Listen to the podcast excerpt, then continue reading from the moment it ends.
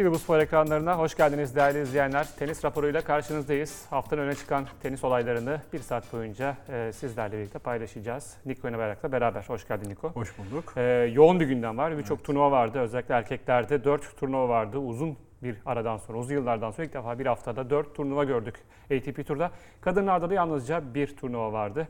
E, bunları konuşacağız ve diğer gelişmeleri konuşacağız. Bu haftanın turnuvalarını konuşacağız. E, dilerseniz önce bu hafta kimler, nerede şampiyon olmuş, e, hangi turnuvalarda neler yaşanmış onları izleyelim. Bandımız ekrana gelsin. Kortlarda geride bıraktığımız haftada 5 turnuva oynandı.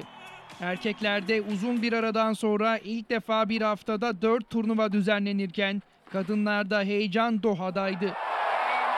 Erkeklerde haftanın en çok puan veren turnuvası Rio'da oynandı. 20 yaş altı tenisçilerin yıldızı Carlos Alcaraz hafta boyunca yağan yağmurdan etkilenmedi ve finalde karşılaştığı Diego Schwartzman'ı 6-4 ve 6-2 yenerek kariyerinin ikinci şampiyonluğuna ulaştı. 2003 doğumlu İspanyol raket ayrıca 500 puanlık turnuva kazanan en genç tenisçi oldu. Alcaraz bu zaferiyle ATP Dünya Sıralaması'nda ilk 20'ye girdi. Marsilya'da düzenlenen 250 puanlık turnuvada ise zafer Andrei Rublev'in oldu.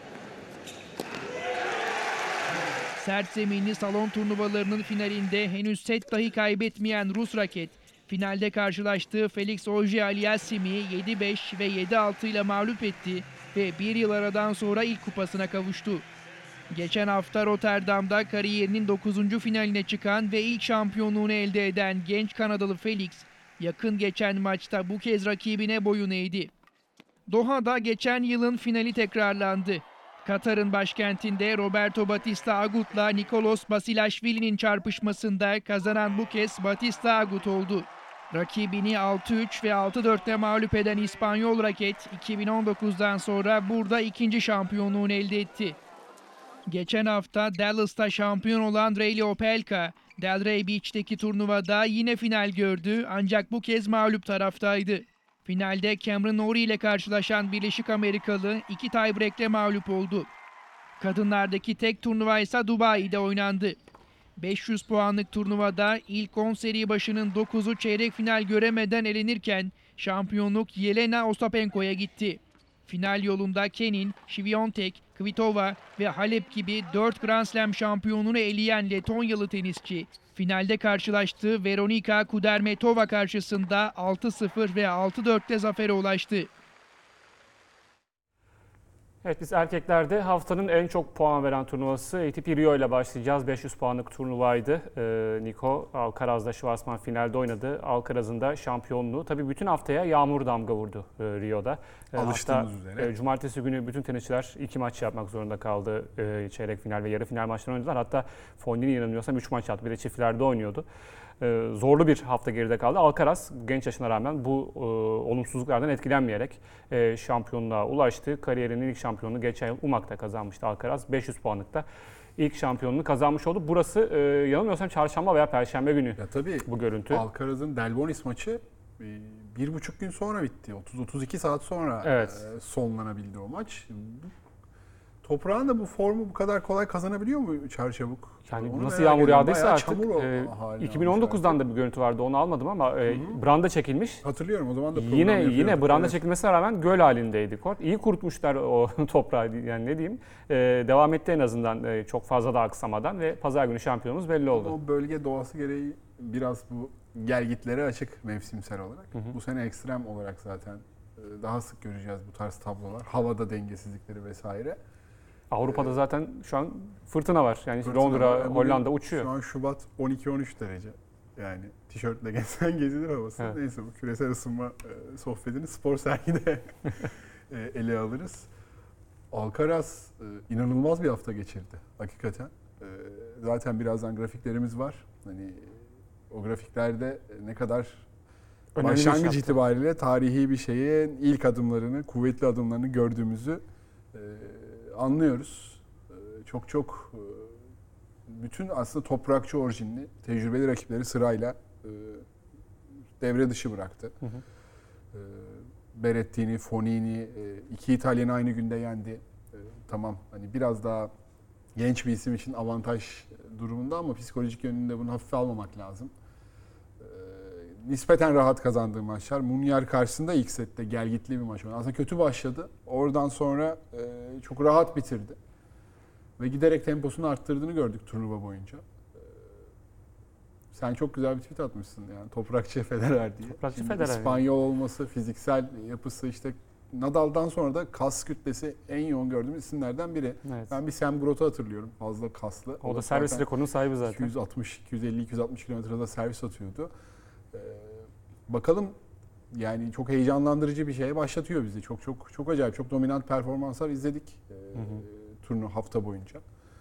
Merakla bekliyorum bu sene Grand Slam'lerde ne yapacağını. Özellikle e, Roland Garros'ta daha sıra ilk 20'ye attı şimdi. E, ilk 10 artık yeni hedef güncellendi. Ondan Geçen önce- sene bu zamanlar ilk 100'e girer mi girmez mi diye yine ara ara konuk ediyorduk Adı turnuvalarını geçiyordu. bekleyeceğiz. Yani Monte Carlo, Roma, Madrid. Ee, Madrid belki pek ona uymayabilir ama yani toprakçılar uymadığı için söylüyorum. Hızlı, çok hızlı, hızlı, olduğu için. ve yani o fizikten beklenmeyecek anormallikte çok güçlü yani Del Potro'yu konuştuk burada iki haftadır. O kuvvetle forehand'de kuvvet üretiyor olması e, gerçekten çok acayip. E, bahsediyorduk geçen sene hani bir mid game'i olmaması belki bazen bir planı olmaması hı. e, kortta hissedebiliyordunuz. Onları da çok hızlı bertaraf etmiş gibi duruyor.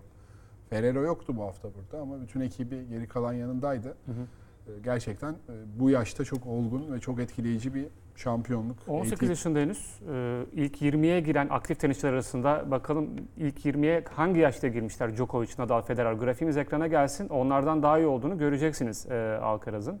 İşte 18 yaş 9 ayla e, ilk 20'ye girdi Alcaraz. Aktif tenisçiler bunlar tekrar hatırlatıyorum. Normalde 3. değil mi genelde? 93 yılında Andrei Medvedev, Rus 19-18 yaş 5 ayda giriyor. hı. 90 yılında Pete Sampras 18 yaş 6 ayda giriyor. Ee, 18 yaş 9 ayda da 3. Alcaraz. Nadal da 18 Güzel. yaş 10 On ay. ayda zaten. Ee, Murray 19 yaş 3 ay, Djokovic 19 yaş 4 ay, ee, Federer 19 yaş 6 ay mesela. Onların hepsinden daha hatta bizim Felix'i e, en genç rekorlarına aday görüyorduk. Onu bile Evet. geride bıraktı Alcaraz. Ee, 18 yaş 9 ayla ilk 20'ye girdi. ATP 500 seviyesinde bir turnuva kazanan da en genç En genç isim oldu. Ee, o da yine onun e, başardığı işin büyüklüğünü anlatıyor. Dediğim gibi yani şey turnuva da genel olarak koşulları itibariyle zordu ve yıpratıcıydı Evet. yani. Hani hep şeyi Alize Korne dedi ya geçen hafta nasıl Grand Slam kazanıyorlar inanamıyorum. Yedi- Ben çeyrek finale geldim ve mental olarak bitmiş tükenmiş hissediyorum. Bu maçlardan 7 tane yapıp en sonunda o kupayı kaldıracak, vuruşu yapacak şeye nasıl ulaşıyor tenisçiler gerçekten aklım almıyor. Daha dedi. fazla saygı duyuyorum demişti şampiyonlara. Ee, Aynen öyle. Hani o yoğunlukta bir turnuva. Zor biten bir Delbonis maçı. Yani bu tarz raketler hiç affetmez artık toprakta. Deneyimli oldukları için Ee, Alcaraz'ın Fognini, Berrettini aynı gün e, yeniyorsun. E, finalde Schwartzman e, rahat kazandı belki ama e, her zaman toprakta çok karşılaşmak istemeyeceğiniz türde bir rakip.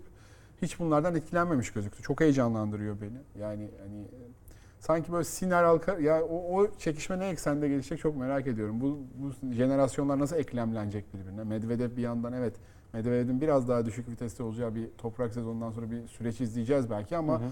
o da Amerika serilerinde sert kortta iddialı olacak. Yani bu jenerasyonların tam kesişme noktası neresi olacak? Çünkü Federer 81, Nadal Djokovic Murray 86 e, bir rekabet olmuştu yani. Evet. Artık bu yaş farkları da eskisi kadar çok önemli. Olur bence. Zverev orada biraz ya, yani Zverev, e, Medvedev, e, Felix, Sinner ve e, Alcaraz ekseninde gidecek ama tabii daha gelecek Musettiler de var bunun işin, işin içinde.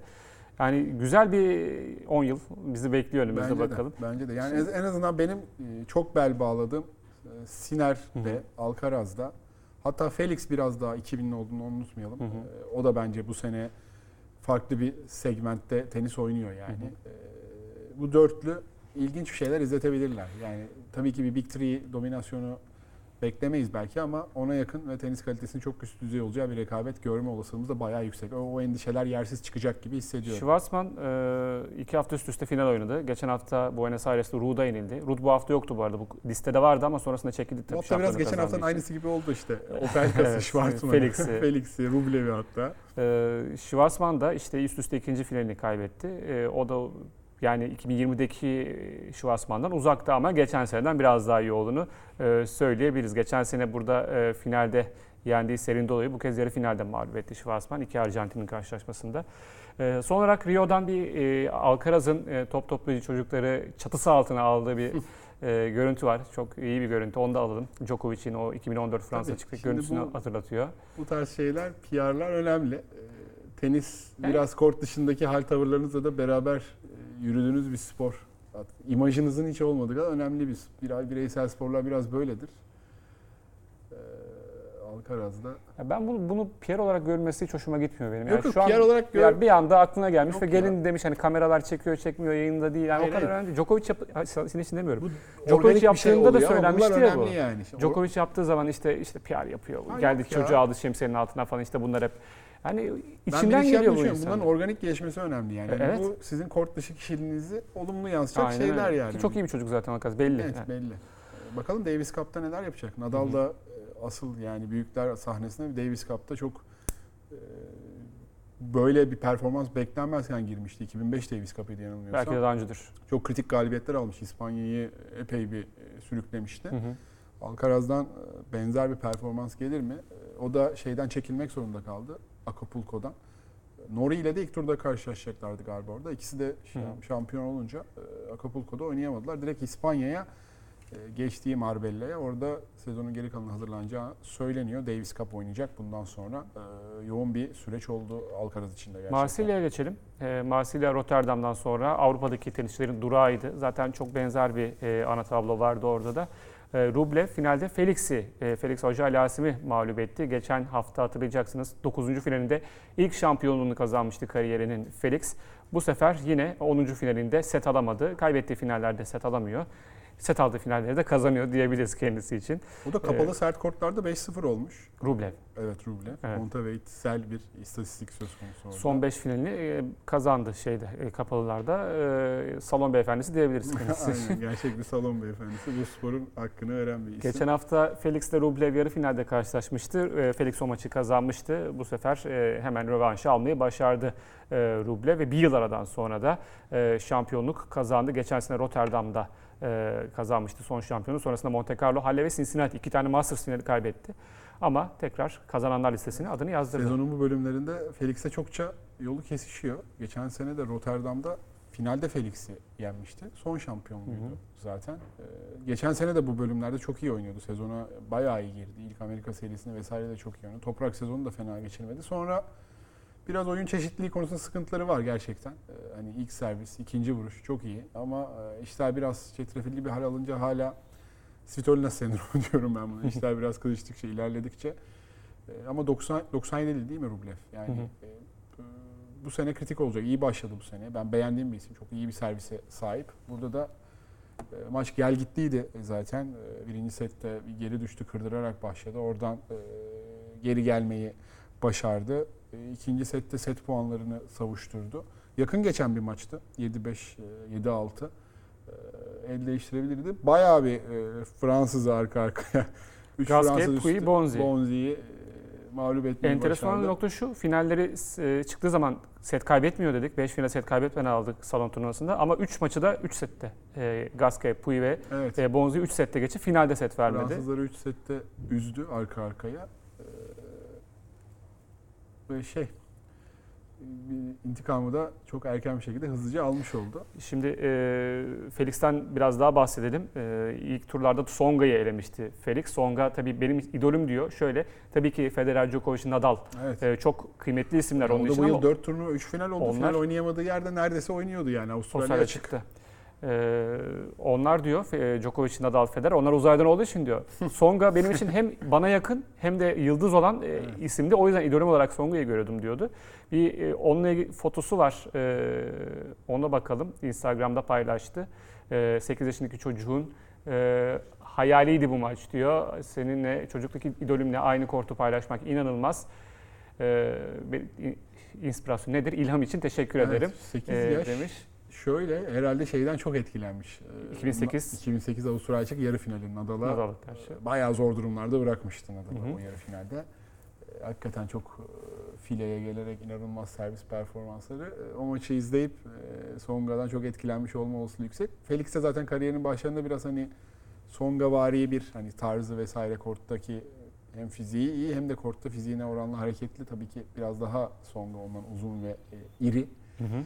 Ama e, o, o benzetmeler de yapılıyordu. Demek ki bir şey payı varmış yani bir e, boşa yapılan bir benzetme değilmiş. Umuyoruz e, Songa kadar sakatlıklardan etkilenmeyen bir kariyer olur. Songa da yani Del Potro için konuşuyoruz. Del Potro'nun bunu pratiğe döküp potansiyelini tam olarak yansıttığı alanlar oldu ama ben Songa çok da altına o- kaldı. o Songa'nındaki o kumaşın çok yüksek olduğunu düşünüyorum. Songa'nın kariyerin başına yanılıyorsam ciddi bir sırt sakatlığı onu Hı hı. zaten e, biraz geriye attı ve asla juniorlardaki işte o 2000 kariyerin başlarındaki kadar her zaman onun da büyük sıkıntılarla sakatlıklar tam olarak %100 ile oynayamadığını hep e, söylerlerdi.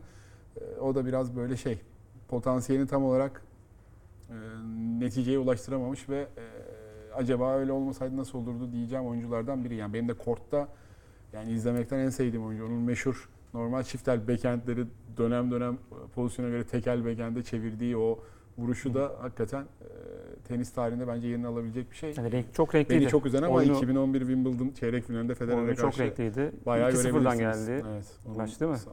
Bence mesela Federer'in çok iyi gelip çok rahat kazanacağı bir Wimbledon'da o. 2011 Djokovic'in de ben e, Nadal'ın da çok Federer, yani Djokovic'i yenerdi diye tahmin ediyorum. Fransa çıktı yendi. Fransa açıkta yenmişti. Epey de iyi. O sene 5 Masters kazandı Federer. Bayağı iyi bir seneydi. Hı hı. 2-0 çok rahat götürdü maç. Bir de oldu çok ilginç yani. O çok, e, Federer'in ilk 2-0'dan kaybettiği maç mıydı? Wimbledon'da ilkti. Ondan Grand? Slam'de de ilk olabilir ama Wimbledon'da ilk. Ha şeyde Grand Slam'lerde Ma- de Miami gitti finali galiba 2-0'dan ve mı kaybetmiş? Yanılmıyorsam o dördüncü tur e, yarı final serisinin de bittiği şeydir o. Evet. 32'lik bir yarı final orada bitmişti. Çeyrek Olabilir. finalde elenmişti. Sonra Yarı finali 23'tü, çeyrek final 32 idi. evet oradan bitti. Ya beni çok güzel maçlardan biridir Evet. ama çok şeydir. Keyifli bir maçtır ve Songa'nın potansiyelini özellikle iki, iki set bir break geriden Hı hı. sergilediği maçlardan biriydi. Yani Felix de burada ikinci sette özellikle 5-4 geriye düştü servis kırdırarak. O seyircinin desteğinin arkasına alıp orada bir servis kırdı. Dedim herhalde 3. sete gidecek bir maç. Ama 6-5'te set puanı da yakaladı. Rublevi'yi savunduktan sonra tiebreak'i alıp şampiyonluğa ulaştı. Ee, tabii ATP Cup şampiyonluğunun Felix'in kariyerinde çok önemli bir yeri olacağı kesin. Ondan sonra çıktı üst üste iki final. Birini kazandı, iki şampiyonluğu kazandı. Bu, bu tip e, ulusal e, kimlik e, kimliği olan turnuvalar, maçlar önemli oluyor tenisçiler için. Bonzi'den bahsedelim. E, Fransız tenisçi. E, daha 2021'in Ocak ayında TED Open'da e, gördük Evet. burada e, kendisini. Finalde Rinderknecht'e yenilmişti. Sonrasında çıktığı 6 e, o yıl e, Challenger finalini kazandı. Bir sezonda 6 Challenger finali kazanan yanılmıyorsam 4. isim oldu. Yunus Emre Ayno'yu var. 96'da yapmıştı bunu. Yine Çela var yanılmıyorsam. E, bir de en son bir Arjantin'i daha yaptı 2016'da. Ee, yani bayağı elit bir listeye girdi. Bu senenin başında da yine bu ayın başında bir Challenger daha kazandı. Üst üste 7 Challenger şampiyonluğu. Ee, Challenger turda bir e, yıldız oldu. Sonrasında burada da yarı final, ilk ATP yarı finalini Evet gördü. yani çok gördük öyle oyuncular ama tam üst seviye taşıyamayan oyuncular da çok gördük ama e, Bonzi hakikaten e, daha sağlam geliyor. Karatsevi de çok rahat mağlup etti burada. Hı hı. E, Rublevi de bence e, epey zorladı. E, ona maçın yaklaştığı anlar da oldu. E, keyif e, ve- ama Fransız oyuncular da genelde zaten seyir zevki epey veriyorlar ya. Tenis e, IQ'ları da yüksek. Temelleri bayağı iyi. da iyi. Vuruş çeşitleri her zaman çoktur. Belki de hani böyle her şeyde bir şeyde uzman olmak için böyle bazen feragat etmek Hı hı. gerekiyor. Belki de bu çeşitlilik onların çok büyük bir süperstar çıkarmasının önündeki engel. Belki yani. de olabilir. E, metodolojiyi belki gözden geç. Çok var çünkü yani hani bakıyorsun ya Gilles Simon, Gasquet izleyince hakikaten keyif alıyorsun. Songa, Lukaku, Monfils. Songa, Monfils. Ama böyle her şey işte fileye geliyorlar, servisleri ortalamanın üstüne, kortta hareketler. Ama böyle hani tamam şey Bir tık üstü konsolda yok yani. evet konsolda çok iyi bir oyuncu olmak için e, ortalama iyi yakalıyorlar. Asıl hedef ya ana hedefe ulaşıyorlar. Çok oyuncuyla ulaşıyorlar ama Hı hı. hani birden 18'e çıkıp 18'den 20'ye çıkma zorluğunu çok yaşıyorlar. Evet. Hakikaten böyle bir aslında spor kültürü olan ve tenis kültürü olan bir ülkeden büyük bir şampiyon çıkmaması da e, ilginç. 2017'de kariyerin ilk, Fransız tenisinin metodolojiyi ilk de Grand Slam ana tablo maçını Medvedev'e karşı oynamış bu arada ve kaybetmiş tabii ki. Medvedev şimdi nerede, kendisi şimdi nerede bir bakalım. E, Safolin de burada çok iyiydi. E, Evet, evet. Son, son haftalarda adını duyuyoruz. ATP Cup'ta iki, iki e, galibiyet almıştı. orada.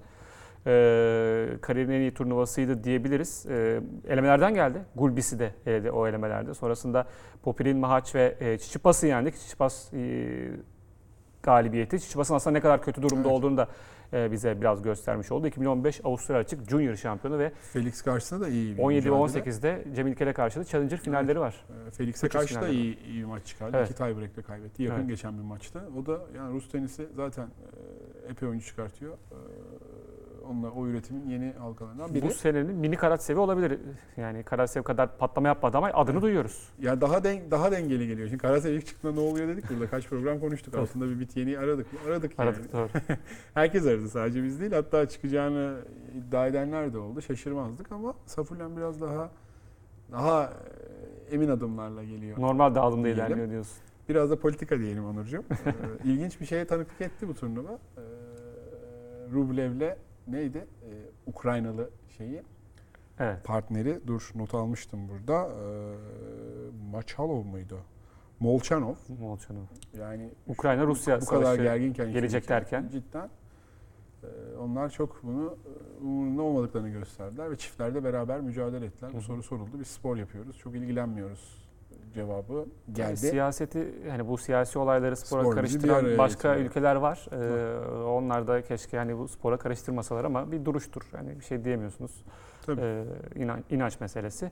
Diyelim o zaman e, Marsilya'da kapatıp Delray Beach'e geç- e, geçelim. Delray Beach'te ya geçen hafta Dallas'taki e, Opelka Evet, bu aynısı. hafta yine vardı. E, tabii Brooksby şampiyon olunca e, şey e, final finalist olunca devam etmedi Delray Beach'te. Nori ile karşılaştı Opelka. E, tiebreak'le yaşayan Opelka tiebreak'le öldü diyebiliriz. İki tiebreak'i de kazanamadı finalde Nori karşısında ve e, bu sefer mağlup oldu Dallas'tan sonra. E, Cameron Nori e, ilk dört finalini kaybetmişti kariyerinin. Sonrasında çıktı dört finalin üçünü kazandı. Geçen sene en çok final oynayan isimdi. Altı finalle. E, geçen senenin başında ATP e, medyasına verdiği bir e, demeç var. Bu sene kim patlama yapar?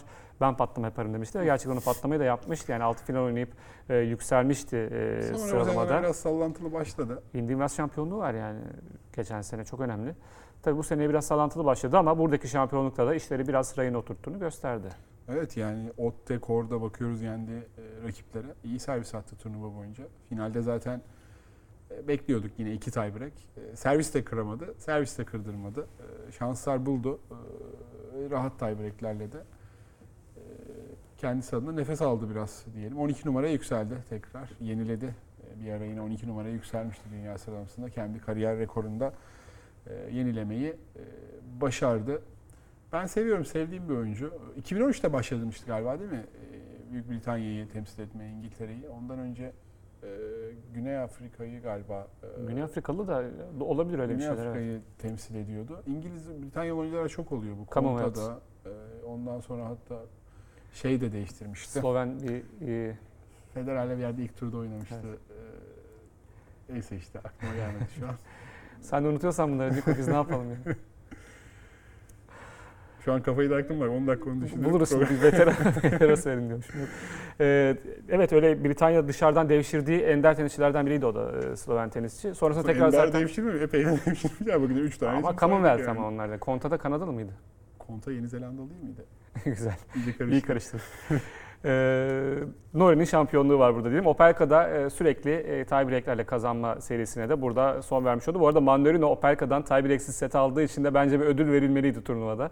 Kesinlikle. Ee, 6-4'te set Ama aldı Yani Opelka'dan. Mandarino hakikaten çok ters ya. Şimdi anket yapsalar epey Mandarino oynamak istemeyen çıkar yani. Bu kadar Topa güç vermiyor çünkü. hakikaten otobüs çekiyor yani korta. Sakin Topa- sakin. Şöyle ben dokunayım kardeşe o vursun. Kesinlikle Hatayı e, yapsın bu, tenisi. bu, bu, e, tarzıyla da epey iyi iş çıkartıyor. Ben ben de çok izlemeyi sevmem ama e, Jack Sack burada bir e, hafif hayata dönüş operasyonu e, bekliyoruz kendini. Ben de severdim ya Jack Sack ilk ona girdiğinde vesaire. Sinirinin kurbanı oldu. Ama yani Jack Sack o yani her topu forehand'e almaya çalışmakla geçmez bu hayat yani. Sen Nadal değilsin O, yapamazsın. o, o backhand'le olmaz yani. Çok fazla. O iyi bile gitti. Ee, bir fotoğraf vardı. Çok dikkatimi çekti. Fotoğraf da aslında videoydu. Ben oradan screenshot aldım fotoğrafı. Ee, sponsor araba ne arıyor burada? Yani Yani bu videosunu emekli izledin mi? em- bu kadar yakın mı? Bazen hani fotoğraf Bu kadar yakın. açısından çok vesaire. bu kadar çarptı o raket. Arabaya çarptı, çizdi raket arabayı. Yani Emekli Hayatını emekli gördüm. albay gibi şey kaldıracağım ya. Silecek Tamam, kaldırası geliyor insan orada. Sponsor olmuşsunuz. Anlıyoruz tabii ki ama bu sporcu sağlığını tehlikeye atmak Kesinlikle yani e, her şeyden öte. arabanın da sağlığı tehlikeli. Yani çizilmiş araba orada. Tabii, Şimdi tek kare görünce bazen Photoshop'la o kadar hızlıca her şey yapılıyor ki birkaç Yok yok. fazla Bunun videosu vardı. Ben screenshot Var. aldım buradan videodan. Çok ilginç ya. Yani araba veren turnuvalar var evet. Bak burada gözüküyor zaten sağda. Allah Allah ya. Yani dışa doğru kaçan bir servis kullandığı şöyle zaman bakınca çok yakınmış hissiyatı vermiyor. yok yani Evet. Ama daha şey bir çözüm üretilebilirdi sanki ya. Daha Mantıklı bir çözüm üretilebilir. Bu arada tenis not bizi şu anda canlı olarak uyardı. E, Alias Bedene. Ha bedene. tamam. Teşekkür ediyoruz ona da. Evet. Alyaz bedene. Öyle bir arkadaşımız da o da. O da tekrar Sloven olmuştu sonrasında. Değil mi? Yani- Onda öyle bir gel git yaşandı Evet, evet. tekrar. Mutlu olmadı orada Britanya'da. Beklediği tadı alamadı İngilizlikten. Evet. Ama orada ayrımcılık da vardı bence biraz. Yani direkt Britanyalı olanlara e, daha öncelik vermeleri, o- biraz geri planda Her bırakmaları. ülkede var ya bence. Var tabii, yani tabii. var öyle bir damar maalesef. Neyse burada sponsor aracı da uyaralım bir daha oraya park etmesinler arabayı. Doha'ya geçelim. Doha'ya geçelim. Doha'da geçen yılın finalinin aynısı oynandı Evet ama bu sefer bir- kazanan farklıydı. Batista Agut Basilashvili'yi 6-3 6-4'te mağlup etti. Ee, o da e, Batista Agut da buraları sever. Agut da böyle böyle 33 yaşına geldi valla.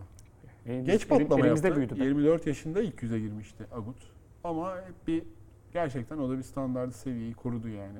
Bunlar zaten altın çağın kurbanları. Hani Agut'ta bir Agut için bir Grand Slam kazanırdı falan diyemeyeceğiz ama Yok. yani birkaç e, Masters sıkıştırabilirdi araya. Neden olmasın?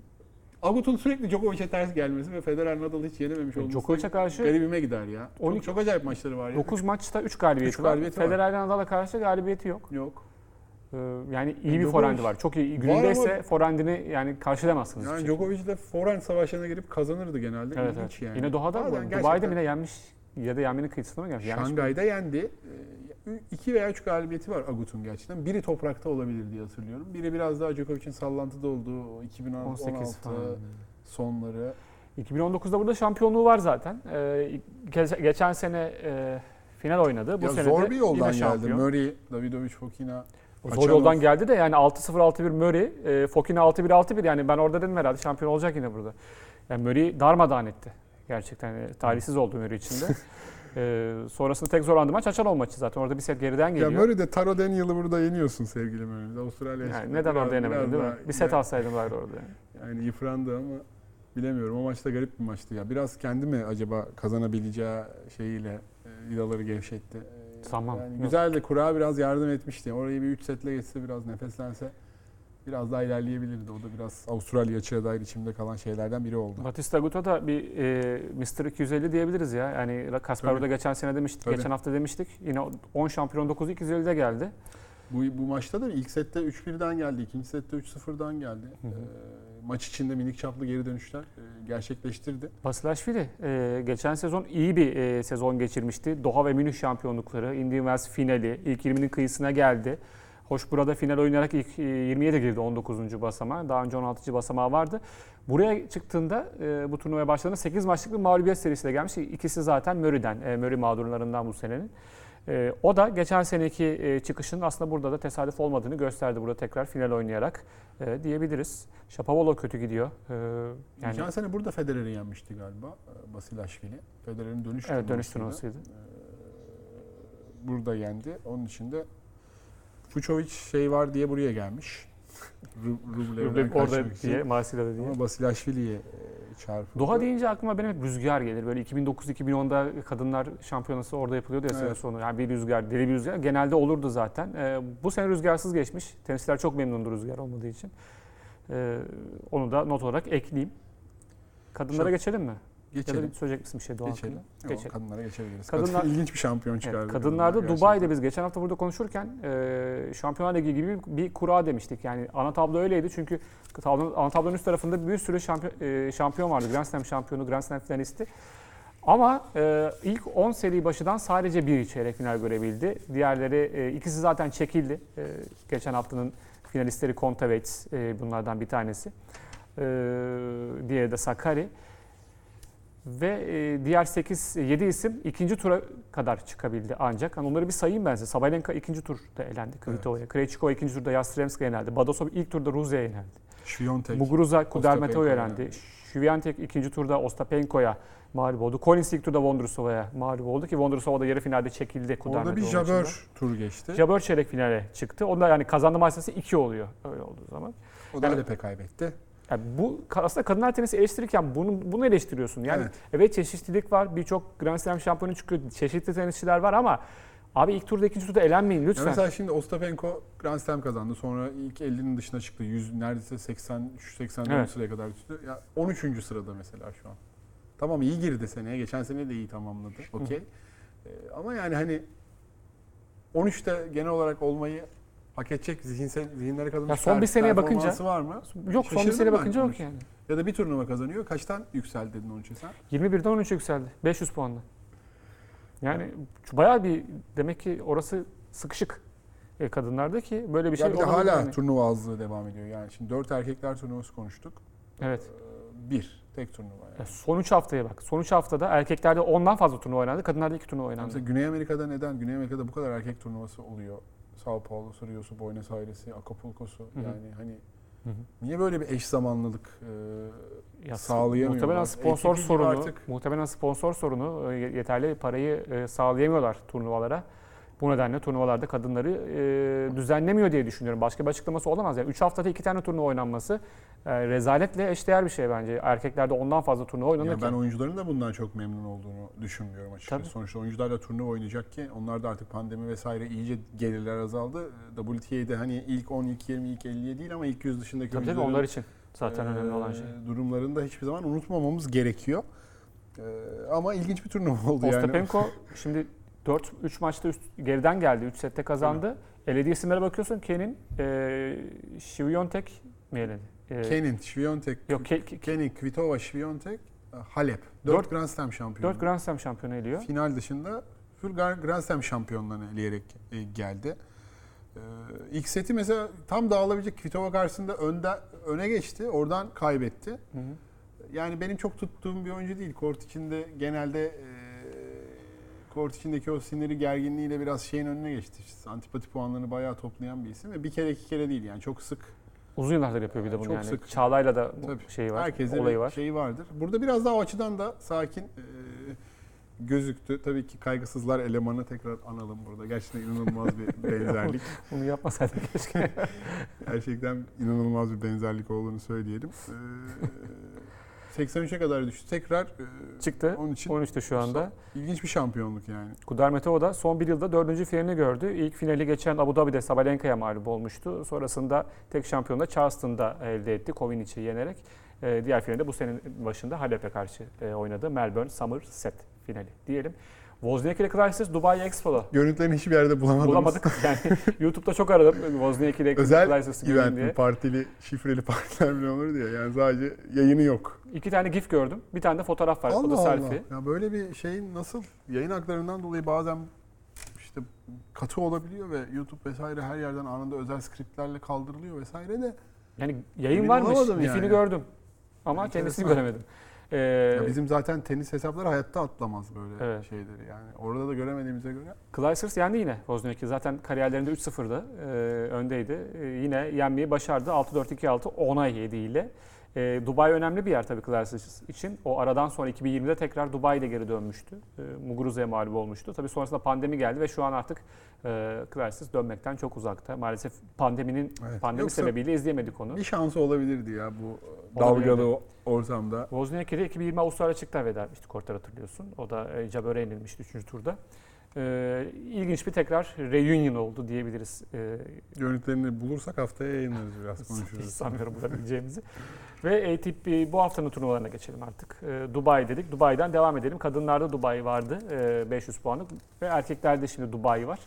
E, orada e, hemen Altuğ'dan bahsedelim. E, Djokovic'e geçmeden önce eleme ilk turunda Popir'ine mağlup oldu. E, eleme turunu geçemedi ama çiftlerde e, Bublik'le beraber iki eleme turu geçtiler ve e, Hurkaç Sinner ikilisiyle karşılaştılar bugün. E, yaklaşık bir saat önce bitti maç. 7-6-6-4'te mağlup oldular ama Hurkaç Sinner ikilisi de geçen sene Miami Masters'ın finalistleridir teklerde. E, güçlü bir rakipti. E, Alto ve Bublik onları geçemediler ama Alto için ilginç bir deneyim oldu diyebiliriz. E, şimdi Dubai önemli, e, bu hafta önemli. Neden? Bir numara değişebilir. Evet. E, Senin 3 aydır söylediğin şey. Söyleye söyleye yapacaksın bunu. ben kesin olacak sanıyordum ama olmadı nedense bilmiyorum. Ee, Acapulco'da da e, Nadal'la Medvedev var. Yarı finalde karşılaşabiliyorlar onlar. Yani Nadal Medvedev'i yenip e, Djokovic'in bir şampiyonluk Dubai'de e, Medvedev'in bir numarasını engelleyebilir. E, 361 hafta oldu Djokovic'in bir numaradaki serisi. 384 müydü? Graf. 77. 377 mi? 15-16 hafta. 4 ay daha çok zor tutması Djokovic'in. Bu Fransa çapanda katılamayacağını düşünürsek dünya Evet, evet. sıralaması ekrana geliyor. Doğukan verdi ekrana. Djokovic ile arasında 440 puan var Medvedev'in. Ee, zaten geçen hafta bunu vermiştik. Çok az oy- oynama oldu puanlarda. Berrettini ve Rublev'in puanları oynadı sadece. Ee, yine geçen hafta verdiğiniz sıralamanın aynısı. Buradan Ruud biraz daha yükselebilir. Toprak sezonun başına kadar kendini bu kadar Evet. üstte tutması e, yani ilk 5 değil ama 6'ya tırmanma ihtimali sanki var gibi. Gerçi Berettini de fena başlamadı toprak sezonuna. Bayağı şey. Şimdi bunu alsak sene sonunda epey değişiklik Değişik, görürüz. değişik. Geçen sene geliyor. yapmıştık onu bu sene yapmadık. Geçen sene bayağı bir falso olmuş. Arşivden. Tahmin yapmadık. Tahmin daha tahmin tahmin ondan bahsediyorum. Şimdi senaryolardan bahsedeyim biraz. Medvedev e, Acapulco'yu kazanırsa e, Djokovic Dubai'de ne yaparsa yapsın bir numara Medvedev yükseliyor. Medvedev finale yükselirse Djokovic'in şampiyon olamaması gerekiyor. Medvedev yarı finale yükselirse Djokovic'in finale yükselmesi gerekiyor diye gidiyor böyle. E, yani o yüzden Djokovic'in 361 haftalık rekorun da e, bitecek olması da bu haftayı biraz önemli kılıyor. E, Djokovic hafta içinde BBC'ye bir röportaj verdi. Sonrasında bir Sırp kanalına röportaj verdi. BBC'ye neler demiş? Bir e, grafiğimiz ekranlara gelsin, bir satır başlarına bakalım. Yine benim kişisel olarak tasvip etmediğim bir Yani e, açıklama. demeseydi daha iyiydi. Turnuvalar aşı zorunluluğu getirirse katılmayacağım. Bu seve seve ödeyeceğim bir bedel.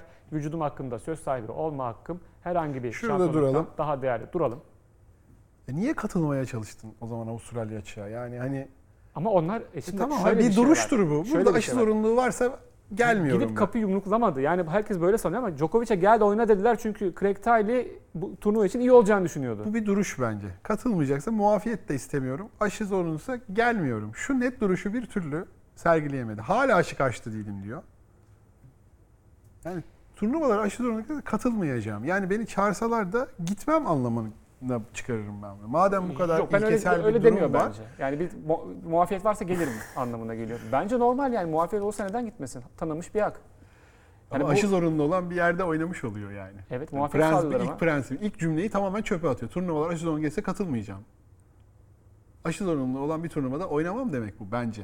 Ya çok çelişkili buralarda. Devam edelim. Bir de bu fotoğraftan kilolu çıkmış Djokovic. Biraz iyi- basık ya ondan. İkinci sayfası var mı? Var. Covid zamanlamam konusunda herkesin fikri var. Tam zamanında Covid olmam eleştiriliyor. Ne kadar şanslı olduğum söyleniyor. Kimse Covid olduğu için şanslı değildir. Bu ciddi bir mesele.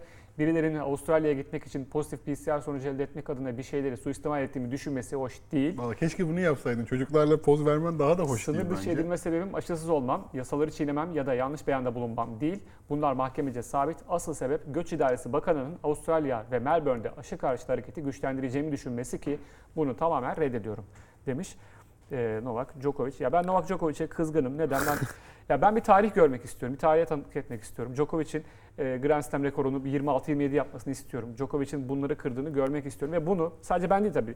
Birkaç yani çoğu insan da bunu istiyor. E, bir kısım e, Tabii ki tabii sever. ki. Ben Ve beni bundan mahrum bırakıyor Djokovic şu anda. Bu şey Gerçekten- gibi Kyrgios çok yetenekli bir tenisçi çok değil, değil mi? iki yıl önce bana Djokovic maçı kaybettiğinde üzüleceksin deseler hadi ya, ya derdim ya. Hadi Üzüldüm gerçekten Amerika. Şunu görmek istedim yani. Kyrgios çok yetenekli bir tenisçi. Ama yaptıkları sebebiyle e, bizi ondan mahrum bırakıyor değil mi? Henin. Ya ben Henin sayesinde tenise aşık olmuş bir insanım. E, durup dururken tenisi bıraktı istedi diye. Sonra geri döndü.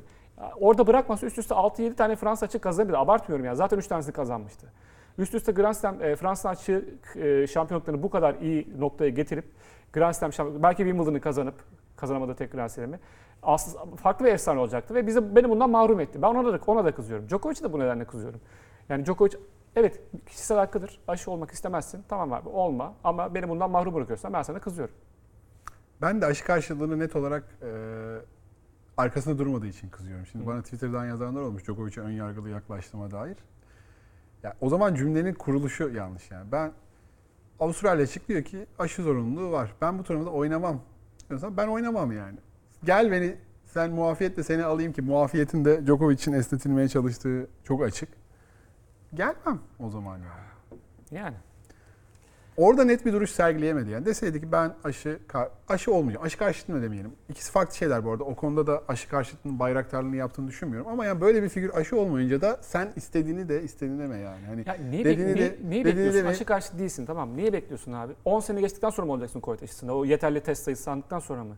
yani, Yani ne oldu? Çiçek aşısı ilk bulunduğunda insanlar şey mi yaptı? Beklediler beklediler sonra mı oldular? Ya, Ya buna da- çiçek bu- hastalığı silindiyse dünyadan aşı sayesinde silindi. buna Covid da okeyim. Buna, buna da okeyim. Bunun getirdiği şeylere Ya test olayı mesela. Testte hiçbir şey demiyor ki. Yani abi iki tane ihtimal var. Ya sen Covid'li gezdin kamusal alanlarda çocuklarla fotoğraf çektirin ya sahte. İkisi de kötü yani. Bunun iyi bir şey yok ki. Bu konuda hiç açıklama yapmaması özür Evet. dilemesi gerekiyordu Evet. yani. Hani bir gün sonra yanıtı aldın filan. E bunu sen rol modelsin. Bunu yapan bunu sabitlenmiş. Bence bu ortaya çıkmasaydı yine oynayacaktı Djokovic. Tabii canım. Orada haksız yani. E, testi filan her şeyi sabit olsaydı ve iki gün sonra orta şeyde fotoğrafları çıkmasaydı bence yine oynayacaktı. Zaten o yüzden bence bu süreç uzadı. Yani bu şekilde bir yalana başvuran birini oynatmak istemeyen de ben anlamam. Yani burada hep konuştuk. Avustralya hükümeti de zaten. ATP şeyde turnuva direktörü de her şey Tenis Avustralya'da e, eşit olarak bence suçlu. Bu süreç berbat bir şekilde e, Djokovic'in attığı ilk e, sto- Tweet. tweetten itibaren herkes elini yüzüne bulaştırdı bu Aynen süreci bir kere. Bunda okeyiz. Ama bu Neyse, açıklamalar konuştuk yani bunları. hani Yine, çok tatmin etmedi beni açıkçası. Net bir cevap vermiyor. Sen yani niye işte uzak durdum dedin Veremez ekip ki. çalışanına. E, Veremez ki. Çocuklarlasın Nasıl, yani. nasıl net Hani cevap vereceksin buna? Koyutlu koyutlu. keşke ben diyorum buluşmuşsun keşke sahte PCR. Haydi yani. Ee, neyse, Neyse, bu ben- akşam 19.30'da Djokovic Musetti ile e, bu senenin ilk maçını oynayacak. Musetti de geçen sene Fransa açıkta bir e, travma yaşamıştı Djokovic karşısında. Bakalım bu sene e, bu maçta neler olacak. E, güzel bir ana tablo var. Evet, güzel. E, Rublev, güzel. Siner, e, Hurkaç, Şapovalov. Felix yine burada. Felix, Felix bakalım çekildi. çekildi mi? Ha Çekildi. çekildi. Çünkü tam onu diyecektim yani artık bir nefes alsa dinlense mi diye. Evet, e, diğer turnuvada da e, Nadal'la e, Medvedev var demiştik. Yarı finalde karşılaşabiliyorlar. Yine Alexander Zverev, Tsitsipas, Cameron Norrie oradalar. İpek Öz bu hafta Doha'da e, Wildcard'da katılmıştı turnuvaya. Doha Tenis Federasyonu ile Katar Tenis Federasyonu ile Türkiye Tenis Federasyonu'nun anlaşması sebebiyle e, ilk turda Madison Brangle'la e, deneyimli rakibiyle karşılaştı. Çok da iyi bir giriş yaptı maça. Servis kırdı. E, 5-4'te yanılmıyorsam set için servis attı. Ee, sonrasında üst üste oyunlar kaybetti ve maalesef iki sette de elendi. Tabii deneyim farkı Tabii. e, çok öne çıkıyor burada. Bir kötü oyun bütün e, şey etkiledi İpek- ama Mert, Mert de- Ertungar'ı Aynen. buradan tebrik edelim. E, gerçekten Net bir hızlı ivmelenme var gerçekten. Daha sık e, adını duyacağız, konukta edeceğiz. Mert abi de gibi. selam olsun buradan diyelim. E, ve devam edelim. Antalya'da bu hafta içi güzel bir haber aldık. Nisan ayında e, Billie Jean King Cup eski adıyla Fed Cup e, organizasyonu gerçekleştirilecek. Birçok ülke gelecek Antalya'ya. Üç farklı e, grupta oynanacak mücadeleler. E, Türkiye'nin de eleme grubunun bulunduğu bir e, grup var. O, o da orada oynanacak. 11-16 Nisan tarihleri arasında Antalya'da düzenlenecek. Avrupa Afrika Grup 1, Asya Okyanusu Grup 1 ve Belçika Belarus elemeleri ki Belçika Belarus dedik mi zaten e, Mertens, Sabalenka, Azarenka gelebilir buraya. Yine Evet. gruplarda olan Japonya'da Osaka gelebilir. E, Estonya'da Kontaveit burada olabilir. Kesin değil bu liste ama e, olması da muhtemel bu tenisçilerin. Yani Antalya yine e, Antalya'ya olmak alev alev yanacak diyebiliriz. Allah çok heyecanlandırıcı haber gerçekten. Ee, Antalya bir tenis şehri zaten. Çok sayıda Hı hı. turnuva tesisleriyle. Hı hı. Ee, Daha önce biz de oradan turnuvalar yayınladık. Sen bizzat orada Hı hı. e, bulundun. Bayağı keyif e, Yani verdi. Haziran ayında te- Umarız hani en az ikisini görürüz. Yani bir Osaka, Azarenka görsek e, bayağı keyiflendirir bizi bu e, durum. Bir şey sorayım sana. Erkeklerde Davis Cup'a bir isim koyulsa ne, hangi isim verirlerdi sence? Yapıldı o Lever Cup. yani John McEnroe koymayacağı kesin insanların da muhtemelen yani, Ya Billie Jean King Cup, Billie Jean yani benim ilk şeyim Rod, Rod Laver olurdu aslında ama o da, o da gitti olur. yani. şeyde hani kort dışında da çok farklı bir şeyin mücadelesini verdiği için e, o açıdan da biraz e, çok anlamlı. Tabii. O zaman Arthur Ashe olabilir belki. Arthur Ashe olabilir. Hem Amerikalı. Yani. Ama çok hiç oluyormuş 10 yıl sonra falan. o imkansız canım. Federer bıraksa da Federer olurdu zaten de orası Ee, kesin. bırakınca neler olacak çok merak ediyorum. Şu an böyle bir fırtına öncesi sessizlik var ama her şeyin adı birden bir gecede. Millet uyanıyor sabah sokakta birası değişmiş. Ee, evet Antalya'da da hatırlatalım tekrar 11-16 Nisan tarihleri arasında e, eğer gidebiliyorsanız muhtemelen seyirci alınacaktır. E, biletlerinizi şimdiden e, ayarlayın diyelim.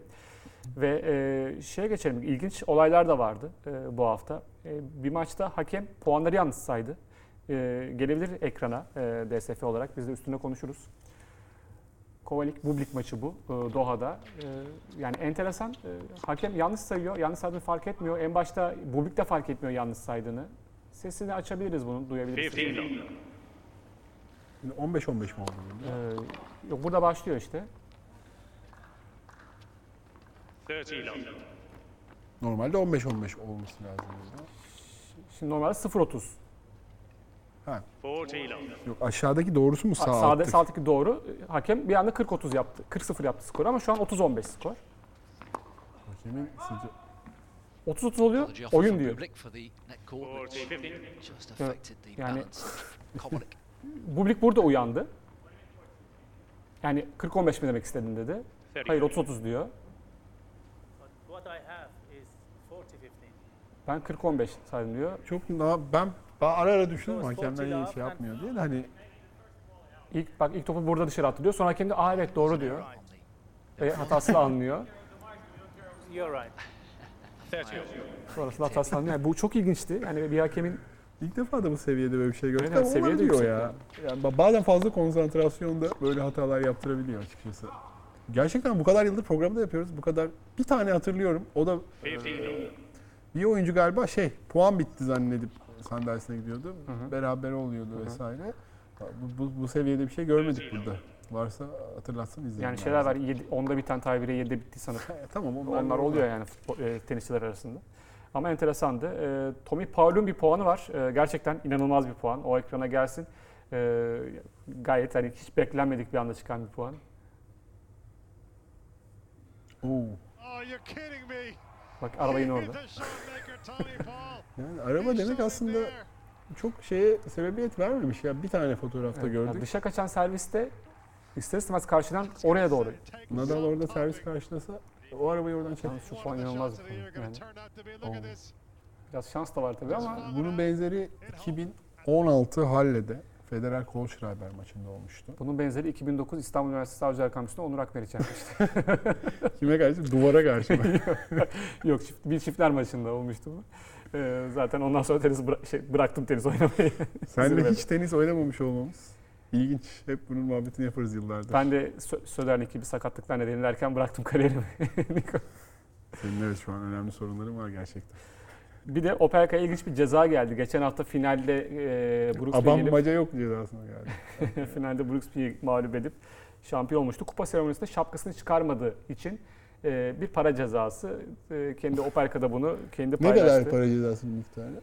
Gözükmüyor. Sil- orasını göstermemiş. E, ne kadar param olduğu belli olmasın. diye. Hala bu konuda zirve Kimi Räikkönen'e köprüden geçiş cezası veren yetkililerimiz de sanırım 2009'da Formula 1'de köprüdeki eventte gerçekten ceza vermişlerdi Kimi Räikkönen'e.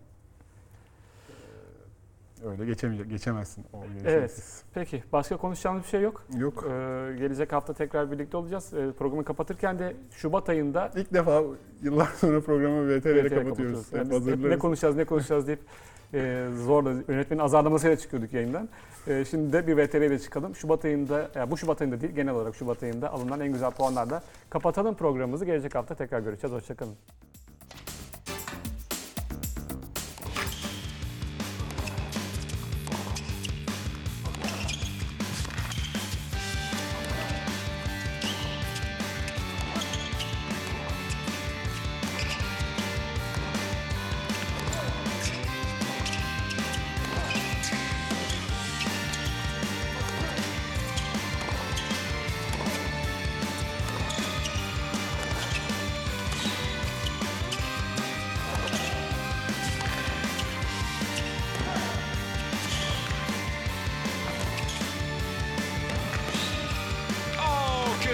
You have got to be.